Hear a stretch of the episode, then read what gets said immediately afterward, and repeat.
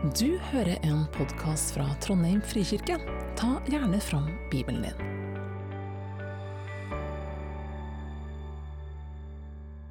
Hei, jeg heter Naomi Natalie Aase, og jeg skal lese dagens tekst før vi hører helgetalen.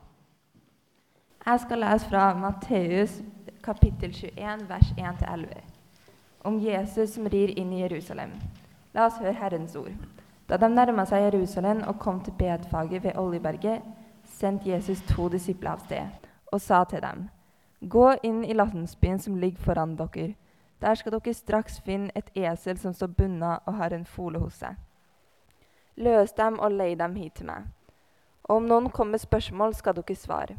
Herren har bruk for dem, og da skal han straks sende dem med dere. Dette skjedde for at det ordet skulle oppfylles som er talt gjennom profeten. Si til datter Sion, se din komme kommer til deg, ydmyk er han og rir på et esel, og på trekkdyrets fole. Disiplene gikk av sted og gjorde som Jesus hadde sagt, og hentet eselet og folen. Så la de kappene sine på dem, og han satte seg opp. Mange i folkemengden bredde kappene sine utover veien, andre skar greiner av trærne og strødde på veien. Og mengden som gikk foran, og de som fulgte etter, ropte. Hoisanna, Davids sønn, velsignet er han som kommer i Herrens navn. Hoisanna i det høyeste. Da han dro inn i Jerusalem, ble det uro i hele byen, og de spurte, Hvem er dette? Og, meng og mengden svarte, Det er profeten Jesus fra Nasaret i Galilea. Slik lyder Herrens ord. Jeg har i grunnen alltid syntes at palmesøndag er litt sånn eh, en merkelig dag. Litt sånn uh, uforståelig og litt vanskelig på en måte. Og uh, dette her oppstyret med Jesus som rir inn, og de vifter med palmegrein og roper Hosianna og legger klær på bakken, uro i hele byen, bare fordi Jesus rir inn på et esel. Og Vi kan jo i tillegg lure på hvorfor skal han ha denne teksten to ganger i kirkeåret er den så viktig, både palmesøndag og første søndag i advent. Jeg har jo hørt en del preike om denne teksten, og ofte så handler det om at de ene dagen roper Hosianna, og så noen dager etterpå roper Korsfest. Og Det er jo riktig, og det er for så vidt eh, et godt poeng. Men så har jeg tenkt er det alt? Hva er det i denne teksten eller i denne historien som ikke jeg helt har fått med meg? Og når jeg jobba med denne teksten i år, så var det en del ting som jeg syns ble litt sånn interessante og nye for meg. Og jeg håper dere vil oppleve det samme. Og Da begynte jeg litt med omstendighetene rundt denne dagen og dette inntoget. Hva er situasjonen denne påska når Jesus rir inn i Jerusalem?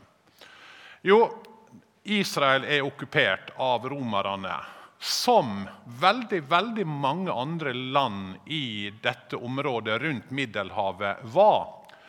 Jeg tror ikke vi av og til husker, eller kanskje ikke jeg husker alltid, hvor stort Romerriket var på denne tida her. Og stort sett så var det fred og fordragelighet ganske mye i denne perioden. Denne perioden fra 27 før Kristus til 180 etter Kristus blir kalt for Pax Romana. Altså romerfreden. En rolig periode der romerne verken opplevde store borgerkriger eller seriøse invasjoner. Og Romerne de var dyktige. Det skal de ha. Og De var dyktige til å holde dette store riket sammen i ganske mye fred og fordragelighet. Men det var ett område i dette store riket som skapte hodebry og hodepine for romerne. Og det var også dumt at det skapte hodebry, for det området det er snakk om, det ligger liksom på i møtepunkt mellom øst og vest, og mellom nord og sør. Og Det er det lille området i Israel. For av alle folkeslag som var okkupert av romerne, så var jødene et problematisk folk for dem. For de ville ikke tilbe keiseren som konge, og de kjempa stadig små stikk og små eh, ikke kriger, men opprør mot de romerske okkupasjonsmakta. Herodes den store han var jo innsatt av romerne for å styre dette området. Han døde i år 4 etter Kristus. Og Han ble kalt stor av romerne fordi han greide å holde dette området noenlunde ro og fred. Og Han gjorde jo det med ganske brutale midler. Vi husker Det var han som sørga for at alle guttebarn i Betlehem ble drept fordi alle under to år, fordi han var redd for makta. Det var Herodes den store. Når han dør i år fire etter Kristus, så gir keiser Augustus eh, ansvaret over til tre av sønnene hans. Herodes Filippos han eh, styrte i nord. Dere ser hvor tid han levde cirka. Han eh, var i den nordlige delen av dette området. I midten midten var Herodes Antipas. Blant annet var han da ansvarlig for Galilea. Og Det er han Jesus har en del konflikter med, og som uh, sørga for at Johannes, døperen Johannes ble halshogd. Dere husker den fortellinga? Det er Herodes Antipas. I sør derimot, så var det den tredje sønnen, Herodes Arkelaos. Og han, eh, ser dere, han styrte bare fra år fire til år seks. To år kun. Hvorfor? Ja, Han kom på kant med jødene med en gang. Han kom på kant, han brøt Moselova stadig vekk og sørga for eh, grusomme ting mot jødene. Så mye eh, ille gjorde han på to år at jødene klaga skikkelig til Augustus. Og Augustus han forviste han og avsatte han etter bare to år. Hva skjedde så? Jo, da innsatte Augustus romerske landshøvdinger for å styre i sør. Og Det var flere av dem, men på Jesu tid så er det en vi kjenner, nemlig Pontius Pilatus. Han styrte da over dette området i sør, inkludert Jerusalem. Fra 27 til 37 og Han var romerne sin sterke mann. Han styrte med ganske streng og sterk hand. Og Så ser vi jo for oss at Pilatus han holder til i Jerusalem. Men det gjør han ikke. Han bor vanligvis i Cesarea ved havet, lenger nord og ute med kysten. En by som ble kalt eh, Cesarea etter Cæsar, som bygde ei fantastisk havn eh, i denne byen og romerske herskere det var her de stort sett bodde. For her var det et enormt teater, som dere ser i dag. Det var akvadukter, det var en flott plass, og de hadde et strålende palass. Og Der bodde de mens de samla inn skatter og sørga for at det var ro og fred, og levde stort sett i sus og dus. Men når det nærma seg påske, så ble de urolige, disse her romerske herskerne. For hva skjedde i Jerusalem i påska? Jo, ca. en million mennesker samla seg da i denne byen for å feire påske. Og Hva var det de feira? Jo, de feira utferda fra Egypt. De feira at de ble fri fra slaveriet under farao. De feira at de ble frie og eksilet fra slaveriet i Egypt. Og det er klart, En sånn feiring er skummel for en okkupasjonsmakt, fordi det viser jo at her har de en gang før brutt eh, åket fra okkupasjonen og slaveriet. Og De lengta etter å gjøre det, og de romerne var redd for feiringa i påska fordi det kunne starte en, et opprør, en revolt. Og Hva gjorde da Pilatus og de andre herskerne? Jo, de sørga for at i påska da var de i Jerusalem. De dro ned til Jaffa langs kysten. Og så dro de da inn til Jerusalem fra vest.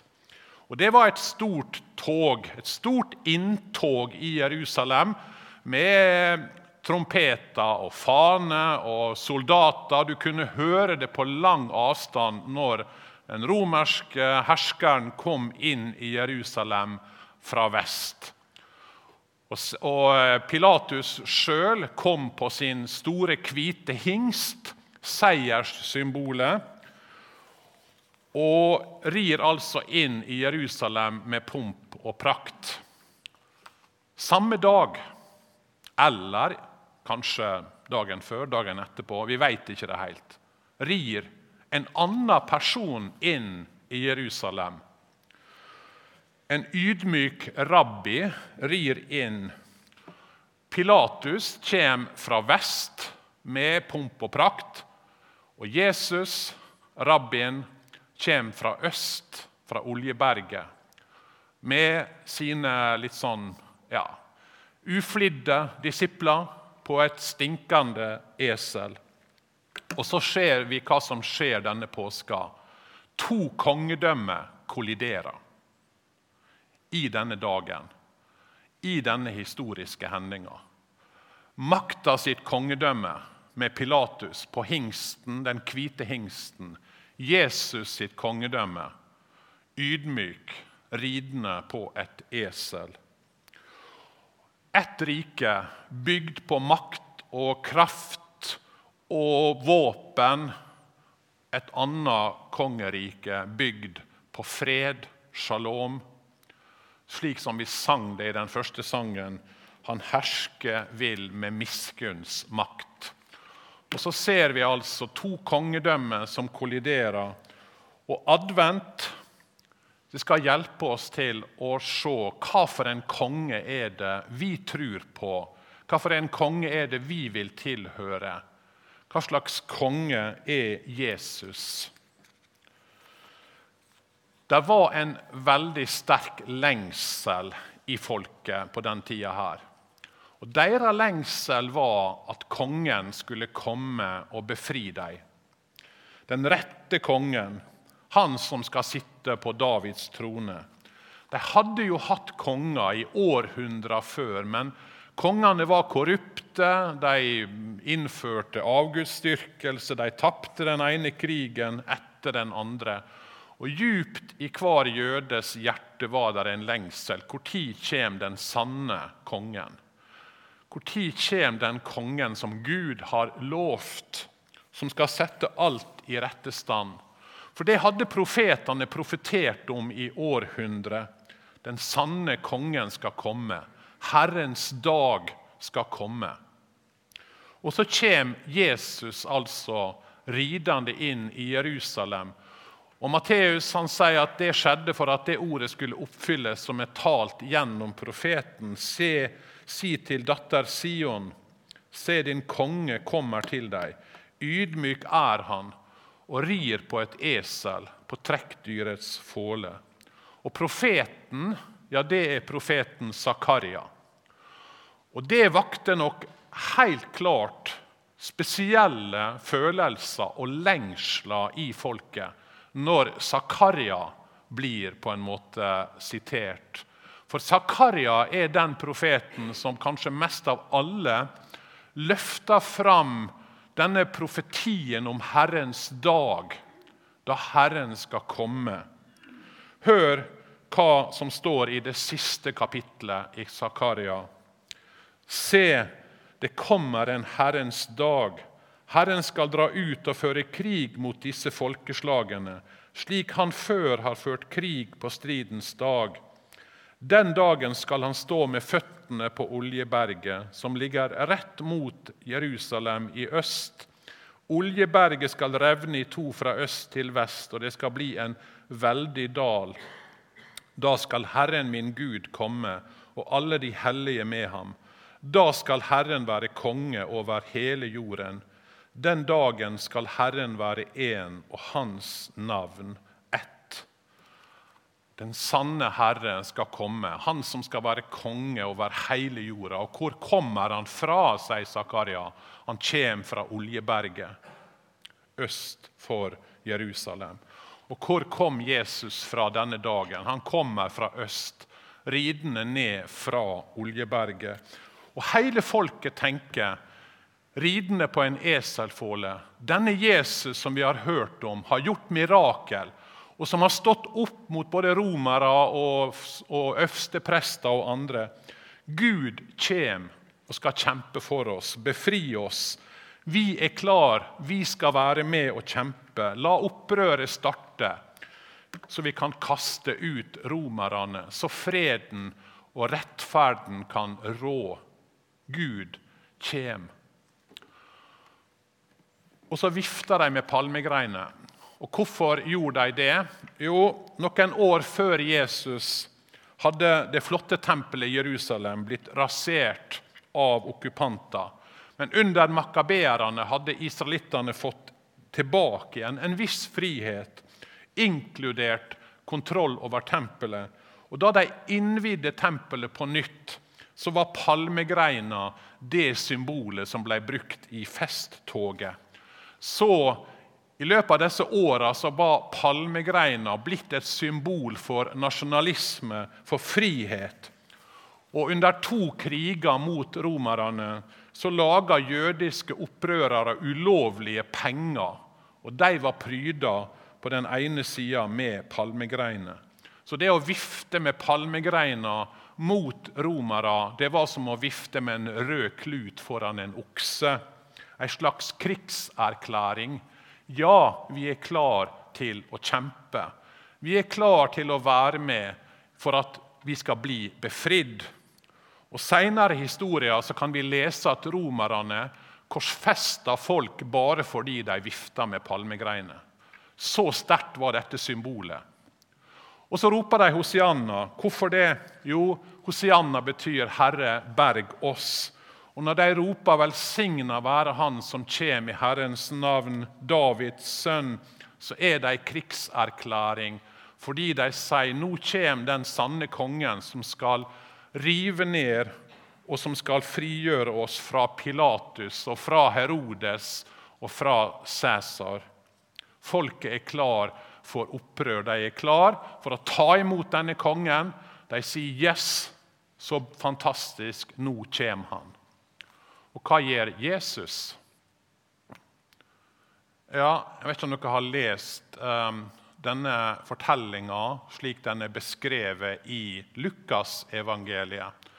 For der står den samme fortellinga. Jesus kommer ridende ned over Oljeberget på eselet. Og når Jesus kommer nærmere og så byen, så gråt han over den. Folket roper nå skal vi bli fri. Nå skal romerne sitt åk bli tatt fra oss. Og Jesus kommer nærmere byen og gråter. Deres respons gjør at Jesus gret, fordi Jesus visste at han kom med et annet slags kongedømme som folk ikke ville juble over, ikke ville ta imot. For Jesus fortsetter når han kommer nærmere byen. Hadde du bare på denne dagen forstått, du også, hva som tjener til fred, men nå er det skjult for øynene dine. Det er skjult. Lukas veit, og Matteus veit, at Jesus kom til Jerusalem, ikke for å bli gjort til konge, slik David og Makabeus blei, men han kom for å dø. Og så kommer altså Jesus og skuffer folket. Og Det er jo på en måte det som skjer denne palmesøndagen. De roper Hosianna. De forventer en befriher, og de blir skuffa. Folket ville ha en profet. Ja, de fikk det. Men de fikk en profet som fortalte dem at byen deres var under Guds dom. De ønska seg en konge. Ja, de fikk det, men de fikk en konge som ble korsfesta med et skilt hengende over seg, Jesus fra Nasaret, jødenes konge. De ønsket seg en seierherre som kunne seire over romerne. Ja, de fikk en seierherre, men en seierherre som seira over synda og døden og djevelen sin makt. De ønska å bli berga fra undertrykking og ondskap. De fikk det, men Jesus kom for å berge fra den djupeste vondskap i mennesket sine hjerter. Ikke fra den overfladiske og ytre vondskapen fra romerne og andre undertrykkere. Jesus kom, og folk ble skuffa. Han var ikke den de hadde håpt på.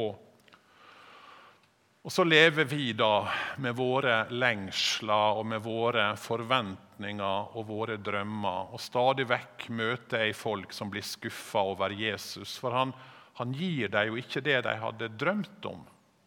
Han gir oss jo ikke det vi håper på. Alle våre lengsler om at ting skal gå bra for barnebarn og barn og for oss sjøl og helsa vår og, og, pandemi og økonomi og hva det måtte være.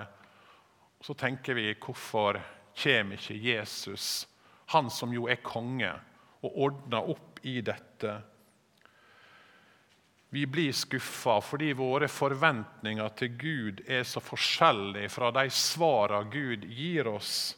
Vi tenker så ofte at Jesus han burde jo tilfredsstille våre ønsker og våre behov, og så gjør han ikke det. Han er en annerledes konge. Og Det er det denne adventssøndagen minner oss på. Jesus, ja, du er konge, du regjerer midt iblant oss, men han regjerer på en annen måte og med en annen slags makt enn det vi ofte tenker og lengter etter. Vi lengter etter den sanne kongen, han som skal komme og sette alt i stand i vårt mørke, i vår fortvila verden, i våre brutte familierelasjoner, i våre brutte håp. Jeg vet ikke hvor mange av dere har lagt merke til hvor mye av eventyrene og legendene som vi har, eh, handler om en lengsel etter denne rette og sanne kongen. Vi har jo ikke historier om kong Arthur, men vi har historier om Robin Hood. Om eh, undertrykkelsen og vondskapen i Nottingham og lengselen etter at den sanne kongen, kong Rikard, skal komme tilbake igjen og gjøre alt i rett stand. Eller fortellingene i 'Ringenes herre', der det er en sann konge, men han er skjult i nord. Men når han kommer, så skal landet blomstre og vondskapen bli beseira. Det er en lengsel i oss. Hvem kan komme og sette alt i rett stand for oss? Vi hadde jo et bilde av det vi også under krigen. Alt var mørkt. Det var håpløst, det var okkupasjon. Og så kom friheten, og så kom kongen tilbake igjen. Og så ble alt bra. Og så kjente en nå er det fred. Det er vår. Den sanne kongen var kommet tilbake igjen. Og jeg tenker Det er en slags DNA lagt ned i oss, en lengsel etter den gode kongen. Kongen med fred, med rettferd, med frihet. Det er en lengsel, og vi har litt det som overskrift i advent. En lengsel etter å ha noen å se opp til, noen å tilbe, noen som vi tror kan komme og gi mening, og som kan gi håp, og som kan gi framtid for oss. Om ikke vi har konger og prinsesser, så kroner vi idrettsstjerner og popstjerner og, og youtubere til uh, sånne idol som vi håper på. Jeg leste nettopp i Bergen da, om denne youtuberen som jeg aldri hadde hørt om, som heter Logan Paul, og som skapte en sånn kaos i Bergen. Da. Han har 22 millioner følgere. Vi lengter etter noen å følge. Vi lengter etter noen som kan gi oss håp. Kan være en bergingsmann som kommer med mening inn i vår verden. Og Bibelen sier ja, der er en sånn konge. Det er Jesus. Jesus er en annerledes konge i et annerledes rike. Folket i Jerusalem ble skuffa. De hadde sine lengsler, sine håp knytta til en befrielse fra romerne. Og de ropte ganske fort 'Korsfest han', slik folk i dag også så ofte avviser Jesus, den ydmyke kongen, som kommer til oss. Ikke med pomp og prakt, ikke med makt, ikke med sverd og ikke med at vi må tro på han, men han kommer, inviterer oss til å tro og følge han. Folket sin skuffelse denne dagen handler jo om ytre ting. Djupt nede i oss, i våre hjerter, så er Jesu inntog ei avgjørende hending. Den sanne kongen kommer til jord for å være din og min frelser. For å gi oss håp, ikke bare om dette livet her, men om noe som varer evig. For å berge oss fra synda og døden og djevelens makt og få sette oss i frihet. For å være din og min frelser. Sette oss inn i lysets rike. Han er en annerledes konge, ja.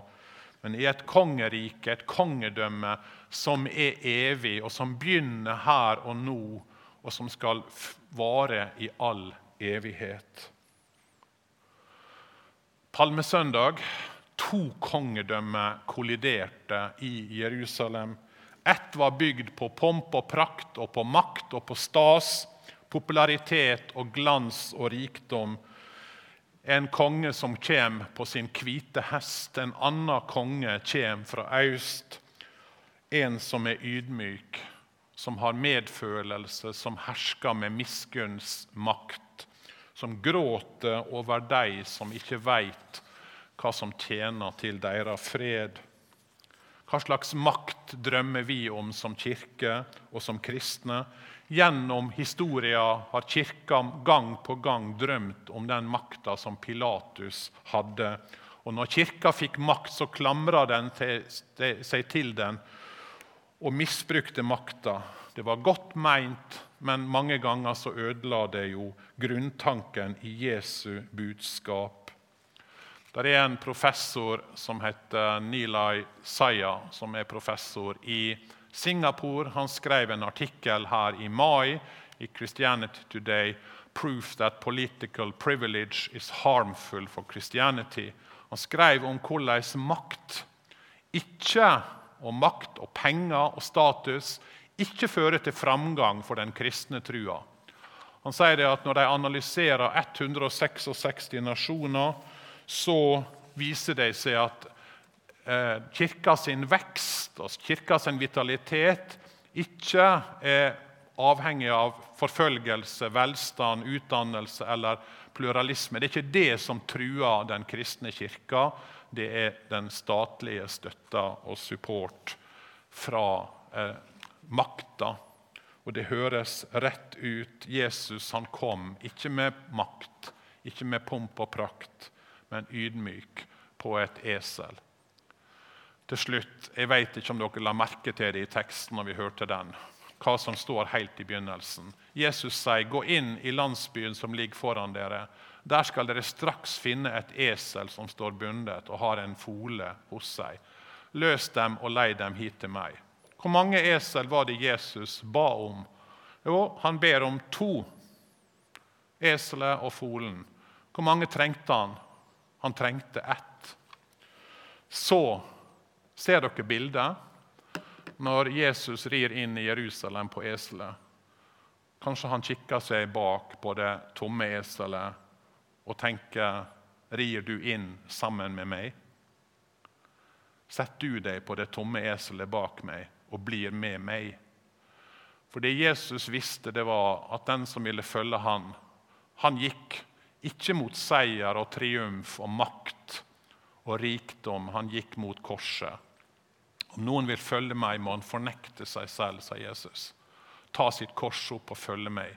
For den som vil berge livet sitt, skal miste det. Men den som mister livet for min skyld, skal finne det. Jesus utfordrer oss. Rir du inn i Jerusalem sammen med meg? Det er lett å rope Hosianna, og det er lett å vifte med palmegreiner. Det er noe annet å ta sitt kors opp og følge Han. Men det er det Jesus kaller oss til, også denne adventa, å være hans disipler. Som ser hva som er de sanne verdiene. Midt i ei tid som er full av materialisme og opptatt av mat og fest og gave og penger, så sier Jesus det er noen annen. Det er et annet kongedømme som jeg inviterer deg inn i. Vil du være med og følge meg? Jesus, takker deg for at du kom, ikke som den med makt og med kraft og med våpen, men du kom som den ydmyke. Du hersker med miskunns makt. Hjelp oss til som kristne og kirke å følge deg i den tanken at det er ikke privilegier og makt som skal føre oss noe framover, men det er gjennom å følge deg. Ta vårt kors opp, følge deg. For du sier i dette riket er alt opp ned. Der er de store små, og de små er store. Og det som betyr noe i verden sine øyne, det betyr ikke noe for deg. La denne adventen som vi går inn i, få lov å være en advent som minner oss på det, og som fører oss nærmere til deg. Amen. Takk for at du hørte på. Velkommen til gudstjeneste søndager klokka 11. Mer informasjon finner du på trondheim.frikirke.no.